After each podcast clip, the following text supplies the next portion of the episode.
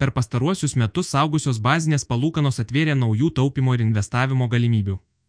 Tai vyriausybių obligacijos ir indėliai, kurių metinė graža šiuo metu siekia apie 3 procentai šie instrumentai dar vadinami fiksuoto pajamingumo priemonėmis, nes jos užtikrina iš anksto apibrieštą gražą.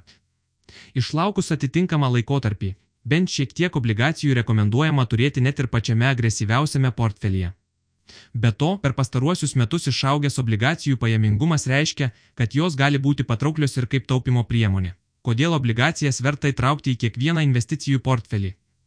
Kokiomis ypatybėmis įsiskiria obligacijos? Obligacijos, kurios dar vadinamos skolos vertybiniais popieriais, yra vienas iš būdų diversifikuoti savo investicijų portfelį. Jos laikomos antikinai saugesnėmis priemonėmis nei akcijos ar kitos turto klasės, išskyrus grinuosius pinigus. Obligacijų santykinį saugumą lemia keli pagrindiniai aspektai.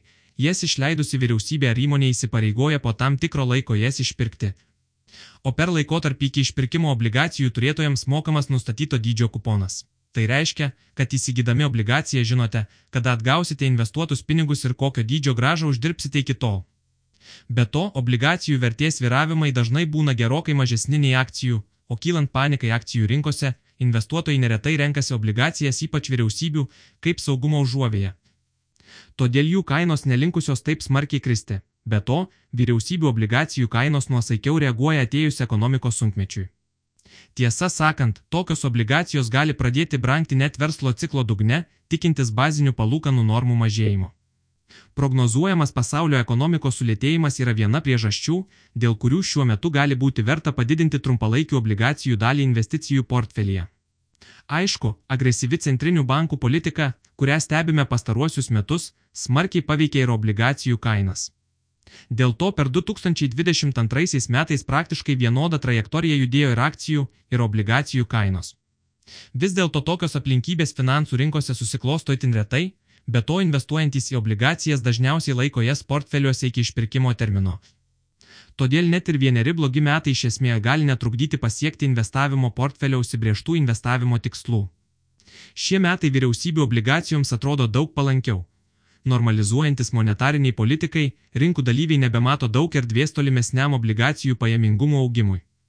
Tai rodo, kad padėtis obligacijų rinkoje normalizavosi, o tolesni dideli jų kainos viravimai mažai tikėtini - išaugę obligacijų pajamingumai. Obligacijų kainų korekcija praėjusiais metais ir išaugę jų pajamingumai lemia, kad jos vėl yra atsidūrusios investuotojų akiratyje. Itin daug dėmesio sulaukia trumpo laikotarpio obligacijos, kurios bus išperkamos po antrojo trečiojo metų.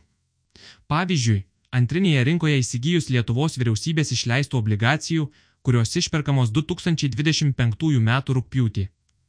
Galima užsitikrinti kiek daugiau nei 3 procentai siekiantį metinį pajamingumą.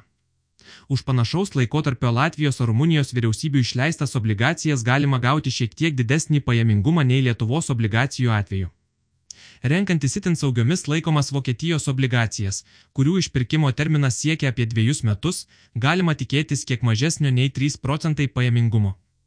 Pastarąjį pusmetį įmonių platinamos obligacijos siūlo gerokai didesnę gražą nei vyriausybių išleisti skolos vertybiniai popieriai. Tačiau investicijų rizika į konkrečios įmonės skolą yra kur kas didesnė, o neįgudusiam investuotojui įvertinti visus su tuo susijusius aspektus gali būti sudėtinga. Todėl investuoti į atskirų įmonių išleistas obligacijas reikėtų itin atsargiai ir įvertinant tokios investicijos poveikį visam portfeliui. Saugių priemonių dalis portfelyje. Kokią dalį obligacijos turėtų sudaryti investicijų portfelyje priklauso nuo investavimo tikslų ir rizikos tolerancijos. Remiantis universalia taisykle, investicinį reitingą turinčių obligacijų dalis portfelyje turėtų atitikti investuotojo amžių. Pavyzdžiui, jei jums yra 30 metų, obligacijų dalis turėtų siekti apie 30 procentų viso investicijų portfelio vertės. Savaime suprantama, kad obligacijų dalis gali būti ir didesnė, ir mažesnė. Jei aktualu išsaugoti jau sukauptą turtą, gauti garantuotą gražą per apibrieštą laikotarpį su maža rizika, obligacijos gali sudaryti ir 90-100 procentų viso investicijų portfelio.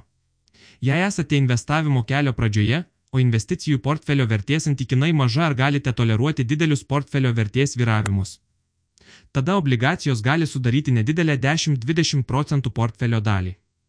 Tai bus geras būdas susipažinti su šia priemonė ir, smarkiai susviravus investicijų į akcijas vertai, padės neprarasti tikėjimo pačiu investavimo procesu. Be to, vertėtų atkreipti dėmesį, kad investuojant šioje turto klasėje taip pat galioja diversifikacijos taisyklė, tai yra rizika padės sumažinti skirtingų emitentų ir skirtingos trukmės obligacijų įsigymas. Kitas būdas įskaidyti investicijas į obligacijų turto klasę - pasirinkti įsigyti į obligacijas investuojančių fondų vienetų. Galiausiai tie, kam obligacijos atrodo kaip per sudėtinga ar per didelių finansinių išteklių reikalaujanti priemonė, gali pasidomėti terminuotais indėliais. Už vienų metų trukmės indėlius šiuo metu rinkoje siūlomos 3-4 procentai palūkanos. Tikėtina, kad tokios palūkanos nebus siūlomos amžinai ir pradės mažėti vos centriniai bankai pakeis savo pinigų politikos kryptį. Šiuo metu tai geras būdas gauti apčiuopiamą gražą pasirinkus vieną saugesnių būdų taupyti.